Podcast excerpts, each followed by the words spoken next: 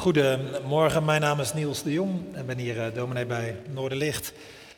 En uh, we staan stil vandaag bij een gedeelte uit Matthäus 8. En uh, er staat een verhaal wat eh, prima zou passen bij deze stormachtige zondag. het eindigt namelijk met een verhaal van de storm op zee. Ehm, maar zo snel kon ik niet uh, schakelen. Ik had het begin van Matthäus 8 in gedachten, dus daar wilde ik het maar bij houden. En we lezen dat gedeelte maar eerst. En je kunt meelezen via de beamer. Het lijken twee verhalen, maar samen vormen ze toch één verhaal. Er kwam iemand naar hem, Jezus, toe, die aan huidvraat leed. Hij wierp zich voor hem neer en zei: Heer, als u wilt, kunt u mij rein maken. Jezus strekte zijn hand uit, raakte hem aan en zei: Ik wil het, word rein. En meteen was hij gereinigd van zijn huidvraat. Jezus zei tegen hem: Denk erom dat u er met niemand over praat, maar ga u aan de priester laten zien en breng als getuigenis voor de mensen het offer dat Mozes heeft voorgeschreven. Toen hij Capernaum binnenging, kwam er een centurio naar hem toe die hem om hulp smeekte. Heer, zei hij, mijn slaaf ligt thuis verlamd op bed en lijdt hevige pijn. Jezus antwoordde hem, ik zal meegaan en hem genezen. Daarop zei de centurio, Heer, ik ben het niet waard dat u onder mijn dak komt. U hoeft alleen maar te spreken en mijn slaaf zal genezen. Ook ik ben iemand die onder andermans gezag staat en zelf weer soldaten onder zich heeft. En als ik tegen een soldaat zeg, ga, dan gaat hij. En tegen een andere, kom, dan komt hij. En als ik tegen mijn dienaar zeg, doe dit, dan doet hij het. Toen Jezus dit hoorde, verbaasde hij zich. En hij zei tegen degene die hem volgde, ik verzeker jullie, bij niemand in Israël heb ik zo'n groot geloof gevonden. Ik zeg jullie dat veel uit het oosten en uit het westen zullen komen en met Abraham, Isaac en Jacob zullen aanliggen in het koninkrijk van de hemel. Maar de erfgenamen van het koninkrijk zullen verbannen worden naar de uiterste duisternis. Daar zullen zij jammeren en knarsen tanden. Tegen de centurio zei Jezus: Ga naar huis. Zoals u het geloofd hebt, zo zal het gebeuren. Op hetzelfde moment genas zijn slaaf. Een sleutel om, uh, om zo'n gedeelte uit het evangelie en misschien wel elk gedeelte uit zo'n levensbeschrijving van Jezus goed te begrijpen, is om je twee dingen af te vragen. Zo'n evangelie betekent letterlijk goed nieuws. En de eerste vraag bij zo'n gedeelte is dan, wat is hier het goede nieuws? En de tweede vraag is, wat vraagt dit van mij? Want het evangelie doet ook altijd een beroep op je. Dat is nooit vrijblijvend. Je kunt je deze twee dingen proberen te scheiden en je te beperken tot het goede nieuws. Maar dat kan eigenlijk niet. Dat, dat zou je als volgt kunnen vergelijken. Ik vergelijk het op twee manieren. Waarschijnlijk bijna iedereen snapt het al na de eerste keer, maar voor de enkeling die echt niks van voetbal begrijpt, voor de zekerheid nog een tweede vergelijking. Het is net zoiets als dit. Steven Bergwijn. Onlangs groen licht kreeg voor zijn droomtransfer. Aanhaken bij een topclub in Engeland en gelijk het zinkende schip van PSV kunnen verlaten. Mooie kans. En ik kan niet denken, nou, dat is mooi. Ik heb het goede nieuws binnen. Ik heb een miljoenencontract getekend. Ik zit hier mooi in Londen. Allemaal prachtig. En nu kan ik wel een beetje rustig aan doen, een beetje meehobbelen op de trainingen en kijken hoe ik hier in Londen mijn geld kan opmaken. Ja, dat zou toch heel vreemd zijn, toch? Zijn goede nieuws, zijn kans, zijn groene licht. Natuurlijk vraagt dat ook wat van hem de komende tijd. Vraagt zelfs heel veel nog, zou je kunnen zeggen. Ander voorbeeld. Stel je voor, een vrouw heeft jarenlang gewacht om zwanger te raken. Het ging allemaal heel moeizaam. Ziekenhuis is eraan te pas gekomen en dat wilde ook maar niet lukken. En dan toch opeens het goede nieuws, zwanger. En dat vervolgens dan die vrouw zegt, ja allemaal leuk en aardig, maar ik er ook. En, uh, en ik hou van een paar wijntjes in het weekend en dat ga ik niet opgeven. Heel vreemd. Kan eigenlijk niet. Zulk goed nieuws, dat vraagt ook iets. Dat vraagt bepaalde veranderingen ook. En zo is het ook met het goede nieuws van Jezus. Het geeft je iets Maar dat vraagt ook iets. En het, het klopt niet als je dat uit elkaar probeert te halen. Als je alleen het goede nieuws wil aanvaarden, maar niet doen wat het vraagt. Even een one-liner. Het goede nieuws van het evangelie vraagt je alles, maar het geeft je nog meer. Het vraagt je alles, maar het geeft je nog meer. Vandaag proberen we die twee kanten bij elkaar te houden, ook in het begrijpen van dit verhaal. En eerst maar het goede nieuws uit dit verhaal. Die twee verhalen binnen dit ene verhaal beginnen allebei hetzelfde. In vers 2, er kwam iemand naar Jezus toe die aan huidvraat leed om weer rein gemaakt te worden. En in vers 5, toen hij Cavernum binnenging, kwam er een centurio naar hem toe die hem om hulp smeekte. Twee keer komt iemand bij Jezus. Twee keer gaat het om iemand met een hulpvraag. En twee keer helpt, geneest Jezus. Maar ook twee keer gaat het om een bijzonder ongewone situatie. In de eerste situatie komt een Israëliet naar Jezus toe die aan huidvraat lijdt, een of andere giftige huidziekte. Die je niet alleen je fysiek aantastte, maar ook enorme sociale gevolgen had. Je werd namelijk buiten de samenleving gezet. Vanwege de angst voor besmetting kwam je in een isolement terecht. En bovendien maakte contact, van iedereen die contact met jou had, die, die was ook tijdelijk uitgesloten uit bijvoorbeeld de tempeldienst. Dus iedereen bleef bij je uit de buurt. En jij werd geacht bij iedereen uit de buurt te blijven.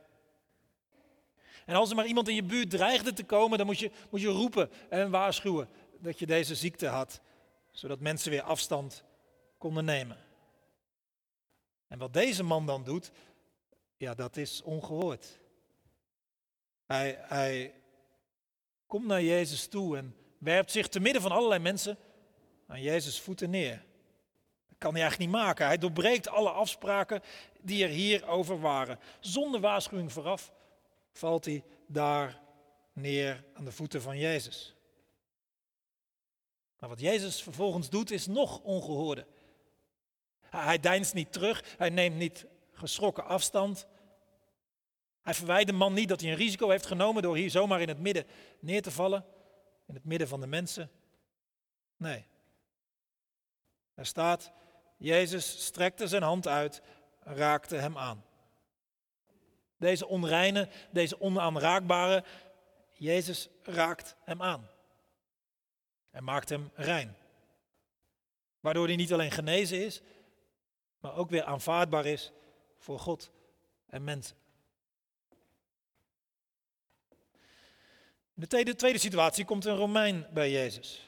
Hij hoort niet bij het oorspronkelijke volk van God, maar was een Romein. Hij had het gemaakt, een baas zou je kunnen zeggen, een leider, horend bij de winnende partij, de Romeinen. Maar hij had ook een probleem. Zijn slaaf was ernstig ziek, het zag er niet goed uit. En bij een slaaf moet je even net wat anders denken dan, wat, dan het beeld van slavernij dat wij in ons hoofd hebben. Als slaaf kon je toen de tijd best nog hoog opklimmen in de samenleving. Je had ook nog wel de nodige vrijheden en kansen. En misschien was deze slaaf wel de rechterhand van deze legerleider. In ieder geval, de legerleider geeft om deze man, die nu verlamd op bed ligt met hevige pijn. En de centurio, oftewel een leidinggevende over een eenheid van 100 soldaten, smeekt Jezus om hulp, staat er. Dat is ook ongehoord. Zo'n soldatenbaas die normaal gesproken Israëlieten kon dwingen om dingen te doen, die gewend was dat mensen hem smeekten om, om hulp of genade. Deze Romein staat hier nu een Joodse rabbi te smeken om hulp. De omgekeerde wereld. Jezus buit dit moment niet uit, maakt het die Romein ook niet extra ongemakkelijk, wil ook niks terug van deze Romein. Hij helpt hem zonder meer. Deze onderdrukker wordt geholpen door de onderdrukte. En Jezus geneest de slaaf. Niet voor niets zet Matthäus deze twee hulpvragers direct naar elkaar. Als je ietsje verder doorleest, dan zou je lezen hoe er allerlei mensen bij Jezus komen en daar gebracht worden. Allerlei mensen die zo hun problemen hadden en dat Jezus ze allemaal hielp. Met deze twee mensen werkt Matthäus uit. En daarmee wil hij iets zeggen. Daarmee wil hij de rijkwijde van Jezus' hulp laten zien. Jezus is gekomen voor Jood en niet-Jood. Voor outcasts en hen die geslaagd zijn. Mensen die buiten de maatschappij staan als hen die er de leiding hebben. Jezus benoemt dit punt precies ook. Hij ziet deze Romeinse man als een voorbode voor mensen uit allerlei volken die tot God zullen komen.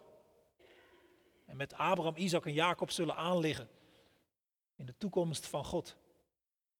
En het wrange daarbij is dat het volk dat van oudsher aan God verbonden was, het Joodse volk, dat die zichzelf erbuiten zet. Maar het goede nieuws van deze verhalen is, als je naar Jezus komt, wie je ook bent, waar je ook aan leidt, wat je moeite ook is, waar je vragen ook zitten, hoe onaanraakbaar je ook voelt. Bij Jezus kun je terecht. Hij zegt bij niemand, jij hier, ga alsjeblieft weg. Nee. Geen bidder laat hij staan, zoals wel eens wordt gezegd. Maar goed, dat is, dat, is, mooi natuurlijk wat hier gebeurt en dat het ook twee keer zo snel opgelost wordt. Maar stel je voor dat je iemand kent die verlamd op de bank ligt. Een hevige pijn lijdt. En je brengt die in gebed bij Jezus. Dan is onze ervaring niet, zeker niet altijd, dat diegene direct genezen wordt, of wel? Of als je zelf lijdt aan een of andere ziekte die je in een isolement plaatst, ook dan is onze ervaring niet dat een gebed tot Jezus altijd alles oplost. Onze ziekte, onze nood, onze problemen, Jezus lost die niet zomaar op, toch? En ik ken er verschillende voor wie dit ook heel verwarrend is, voor wie dit heel veel vragen oproept. Geloofsvragen ook. En dan, en dan kan zo'n gedeelte ook, ook lastig zijn, want hier lijkt het zo, zo, zo wel opgelost te worden in één keer. Terwijl wij dat zo vaak niet herkennen. Hoe zit dat nou? Nou, dit verhaal is, is geen belofte dat Jezus per direct je problemen oplost. Nee. En als je wel de conclusie hebt getrokken dat Jezus al je problemen gelijk zou moeten oplossen, dan, dan ga je zonder meer teleurgesteld uitkomen. Dat is ook niet de boodschap van dit verhaal. Natuurlijk, het kan wel eens gebeuren. En het overkomt mensen nog steeds genezingen, plotseling herstel, uit het niets een ommekeer van een uitzichtloze situatie. Het gebeurt. Maar dat noemen we wonderen. En dat is een woord voor uitzonderlijke situaties. Ze komen voor, je mag erom bidden. Maar maak er geen regel van dat het moet gebeuren. Het goede nieuws van dit verhaal is daarom niet dat er een wonder gebeurt als je met je nood bij Jezus komt. Het verhaal zegt wel, met je nood ben je bij het goede adres bij Jezus. Want hij is een hersteller. Hij is een genezer. Hij is iemand die heelt wat kapot is, die bij elkaar brengt wat verdeeld is. Maar hoe hij dat doet en per wanneer, dat weet je niet. En daar zegt dit verhaal ook niks over. En, en, jij en ik, of we nu ooit zelf in nood raken, of dat iemand die ons lief is in nood raakt. Je krijgt niet op een briefje hoe en wanneer de hulp zal komen. Maar dat hij gaat helpen. Dat hij gaat herstellen. Dat Jezus iemand is die in dit leven, of desnoods dwars door de dood heen in het leven hierna. Dat Jezus iemand is die een nieuw begin geeft, die dingen bij elkaar brengt, die dingen goed maakt. Ja, dat is wel de boodschap van dit evangelie, van dit stukje, van dit verhaal. En daarom wil dit verhaal jou en mij aansporen om vooral wel naar Jezus toe te gaan met je nood. Hoe het ook verder zal gaan, wanneer er ook wat verandert. Of je die verandering zelf ziet of niet. Of het de verandering is die je in gedachten had. Of dat het iets anders wordt. Het kan ook zijn namelijk dat Jezus iets beters weet. Iets anders.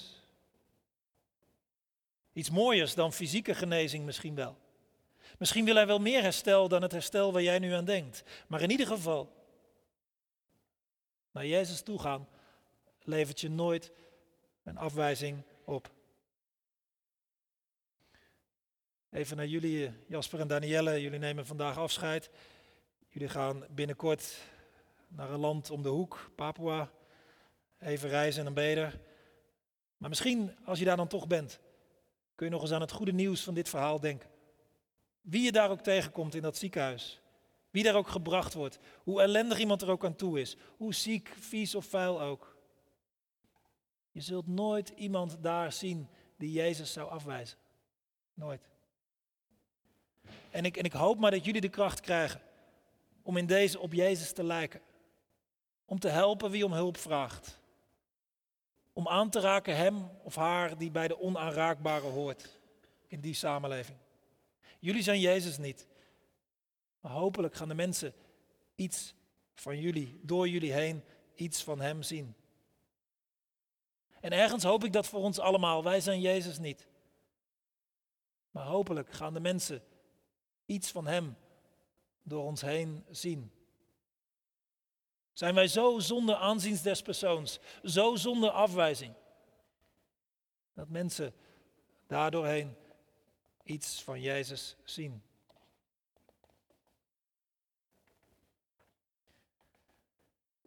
Maar dan het tweede. Wat vraagt dit gedeelte van ons? als we dit lezen, het goede nieuws op ons af hebben laten horen komen, welke vraag, welke uitdaging komt er dan vanuit dit gedeelte op ons af? Ook hierin stemmen deze twee verhaaltjes overeen. Want de eerste man valt voor Jezus neer met de woorden: Heer, als u wilt, u kunt mij rein maken. Hij was dus blijkbaar overtuigd van de macht van Jezus. Hij gelooft in Jezus' macht, dat zelfs zoiets onomkeerbaars als deze huidziekte voor Jezus om te keren zou zijn. Dat is ook het geheim dat hij zoveel risico neemt. Dat hij zoiets ongehoords doet. Omdat hij overtuigd is van de macht van Jezus. En de tweede man die overtreft deze man zelfs als het om geloof gaat. Hij overtreft zelfs iedereen die Jezus daarvoor had ontmoet. Als Jezus de hulpvraag heeft gehoord en aanbiedt om met hem mee te gaan, dat was eigenlijk ook al iets ongehoords, dat Jezus naar zo'n Romein toe zou gaan en in zijn huis zou komen, maar Jezus wil hem voor zijn en die biedt dat aan en dan toch zegt die man, dat is niet nodig. U hoeft alleen maar te spreken en mijn slaaf zal genezen. Vers 8. En hij voegt er nog aan toe, ja, zo werkt mijn gezag ook. Als ik tegen een soldaat zeg kom, dan komt hij. Als ik zeg ga, dan gaat hij. En u heeft nog veel meer gezag. Dit antwoord verbaast Jezus, staat er. En hij draait zich om naar de mensen die hier zijn en zegt, bij niemand in Israël heb ik zo'n groot geloof gezien. En Jezus zegt de man, ga naar huis. Zoals u geloofd hebt, zo zal het gebeuren. Op hetzelfde moment genas de slaaf. Als we zo deze twee verhaaltjes bij elkaar leggen, naast elkaar leggen, dan wordt wel duidelijk wat van ons gevraagd wordt. Geloof. Meer specifiek, geloof in de macht van Jezus. Dat zoekt Jezus. Maar niemand in Israël heb ik zo'n geloof gevonden, zegt hij. Blijkbaar is Jezus er naar op zoek. Naar mensen die geloof hebben in zijn macht. Die hoopt Jezus te vinden, want daar kan hij wat mee, zou je kunnen zeggen. En de vraag is dan, heb jij zulk groot geloof in de macht van Jezus? Heb ik het?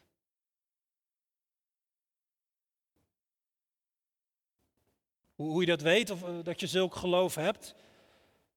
Nou, in dit verhaal zitten drie dingen die kunnen aanwijzen of je zulk geloof hebt. Allereerst, als je dit geloof hebt, dan vraag je grote dingen aan Jezus. Deze twee mannen, de een vroeg iets groots voor zichzelf, een genezing van huidvraat. En de ander vroeg iets voor een ander, via een genezing op afstand. Ze vroegen deze grote dingen, omdat ze een groot geloof hadden. Klein geloof vraagt alleen kleine dingen. Als het al iets vraagt aan Jezus. Mensen met klein geloof verwachten meer van hun eigen inzet dan van Jezus. Die gaan, die gaan sneller zelf aan de gang dan dat ze hulp vragen bij Jezus. En daarom zou je kunnen afvragen, ja, wanneer heb ik eigenlijk voor het laatst om iets groots gevraagd aan Jezus? Iets, iets wat eigenlijk niet kan, iets wat ik zelf in ieder geval niet kan. Wanneer heb ik voor het laatst zoiets groots gevraagd? Eh, als je alleen maar een beetje veilig zit te bidden, zo van hulp bij dingen die eigenlijk prima ook zelf afgaan, die je zonder enige moeite al jaren doet, ja, dat is nou niet echt groot geloof. Als je bidt om grotere dingen, bijvoorbeeld dan een bepaalde situatie, een bepaalde familieverhouding, iets waar zoveel kapot is gegaan, dat er weer herstel komt. Of dat iemand die bijzonder ver van God afgedwaald is, of, God nog nooit ook maar gekend heeft, dat die tot geloof komt. Of andere grote dingen. Bid je erom. Als je groot geloof hebt wel. Een tweede kenmerk. Als je dit grote geloof hebt, dan neem je risico's. Zoals die eerste man. Hij overtrad de wet. Hij doorbrak de afspraken die golden. Hij bracht anderen in gevaar. Er zat een kans in dat hij gestenigd zou worden. Als je geloof hebt, durf je risico's te nemen. Voor God, voor zijn wereld, voor zijn boodschap, voor wat recht is, voor wat goed is. Je zet stappen in geloof dat je geholpen zal worden door Jezus. ik denk dat Jasper en Danielle vandaag voorbeelden voor ons zijn van mensen die vanuit hun geloof risico's durven nemen door naar de andere kant van de wereld te gaan om daar mensen te helpen. Omdat ze geloven dat Jezus ook hen wel weer zal helpen.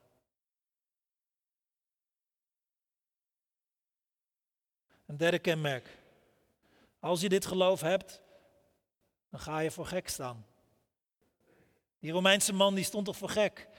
Eh, jij als bezetter gaat toch niet om hulp vragen bij iemand die je onderdrukt. Jij als legerleider gaat toch niet om hulp vragen bij zo'n Joodse rabbi. En als je dat verzoek al wil doen, dan stuur je toch een of andere soldaat met de vraag. Ga je toch niet zelf voor schut staan? Als je groot geloof hebt, dan kom je af en toe zelf voor schut te staan. Want mensen kunnen het zomaar gek vinden dat je dingen verwacht van Jezus, dat je je hoop stelt op Jezus, dat Hij verandering gaat brengen. Of dat je de verwachting hebt dat Jezus ingrijpt. Een kenmerk van groot geloof is dat mensen het gek zullen vinden. Voorbeeldje uit mijn eigen leven. Op een gegeven moment heb ik gedacht dat God tegen me zei dat ik moest zoeken naar lege kerken. Of kerken die leeg zouden komen te staan. En dat God die dan zou vullen. Dat is best een gek idee in een tijd waarin alleen maar minder mensen betrokken lijken te raken bij geloof en kerk. Heel voorzichtig begon ik te geloven dat het waar zou kunnen zijn. Dat hij dat eigenlijk best zou moeten kunnen. Ik niet, maar, maar, hij wel. En ik begon te geloven dat er misschien wel één nieuwe gemeente per jaar in een lege kerk ergens hier in Rotterdam gevuld zou kunnen raken, gestart zou kunnen worden. Al zou dat betekenen dat er heel veel wat, wat we nu niet hebben, dat dat voor elkaar zou komen. Nieuwe voorgangers, nieuwe teams, nieuwe startgroepen, financiën, gebouwen waar je daadwerkelijk terecht kan. En, en ik ben het maar gaan uitspreken dat ik dit was gaan geloven. En nog geregeld voel ik me voor gek staan als ik het zeg. Ik zie mensen denken, één nieuwe gemeente per jaar. Meen je het serieus? Voor iemand die niet graag voor gek staat, voelt dit als grote stappen. Tot mijn verrassing in 2018 begon de Oranjekerk. Eerder deze maand Noordlicht Sjaloos. En wie weet wat er later dit jaar of komende jaren komt. Drie kenmerken van groot geloof. Het vraagt om grote dingen die je zelf niet kunt. Het durft risico's te nemen. En het loopt kans om voor schut te staan.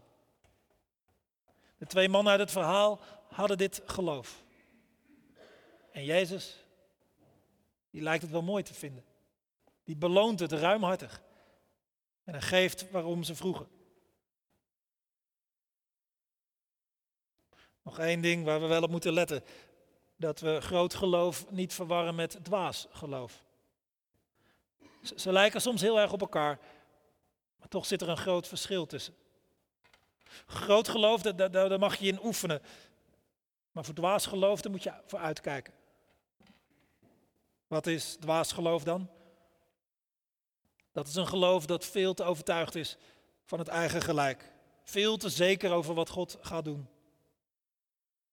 Om wat voorbeelden te noemen, in mijn eigen geval, hè, dat ik koste wat kost maar proberen kerken te starten, terwijl er helemaal niet genoeg mensen, kartrekkers of financiën voor zouden zijn.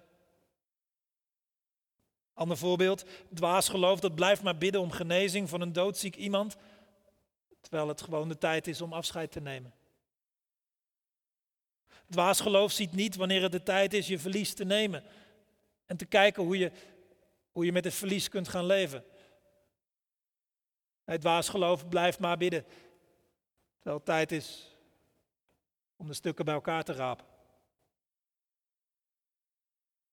Dwaas geloof geeft valse hoop. Nou, groot geloof lijkt er soms misschien wat op. Het ziet er ook gek uit, maar het is toch anders. Die eerste man hier, die had het begrepen. Die, die zei, als u wilt, maakt u me dan rein. Hij hield er rekening mee dat Jezus het toch geen goed idee zou vinden om hem te genezen. Hij zegt, als u wilt. Hij, hij twijfelde niet aan Jezus' macht. Maar hij wist dat hij niet precies kon uitmaken welke plannen Jezus had. Groot geloof twijfelt geen moment aan Jezus' macht en gezag.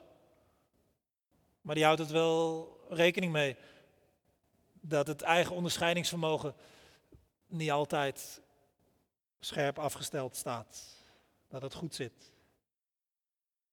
Er wordt geen dwaas geloof van je gevraagd, geen dom geloof. Ook geen geloof tegen beter weten in. Wat van je gevraagd wordt vanuit dit gedeelte is groot geloof in de macht van Jezus. Hoe groter dat geloof zal zijn, hoe meer Jezus dat lijkt te belonen. Ergens anders heeft Jezus het ook over geloof dat bergen verzet. Geloof zelf verzet natuurlijk geen bergen, maar wel degene in wie geloofd wordt. Voor hem is geen nood of probleem te groot. Blijkbaar zoekt Jezus zulk geloof. Het lijkt erop in de evangelie dat hij het minder vaak vond dan hij hoopte. Hij leek soms bezorgd te zijn of het in latere tijd er nog zou zijn. In Lucas 18 zegt Jezus, als de mensenzoon op aarde terugkomt, zal hij dan geloof vinden. Jezus zoekt zulk geloof. Zou hij het bij ons vinden? Zou hij het bij jou vinden? Als hij het zou vinden, dan, dan, dan denk ik dat hij verrassend vaak, op een verrassende manier, op je geloof zou reageren. Misschien anders dan je gedacht had, maar dan toch. En daarom vraag dit verhaal aan jou en mij. Heb je geloof in Hem? Durf je Jezus grote, ongehoorde verzoeken te doen, wat anderen er ook van vinden? Dat is de vraag. Amen.